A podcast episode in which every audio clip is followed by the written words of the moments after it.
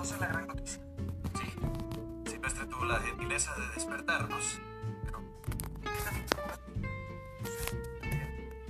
Parece que los zapatos